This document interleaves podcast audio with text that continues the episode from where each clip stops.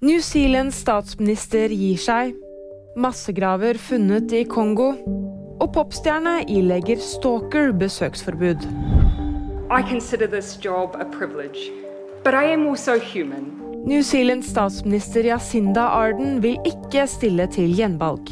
Det fortalte hun i en tale natt til torsdag norsk tid. Arden sier at etter seks år med store utfordringer gleder hun seg til å tilbringe mer tid med familien. We have some disturbing news from our peacekeeping mission in the Democratic Republic of the Congo. Det sa FN-talsmann Farhan Haq. Han forteller at de har funnet nesten 50 døde sivile i massegraver i to landsbyer øst i Kongo.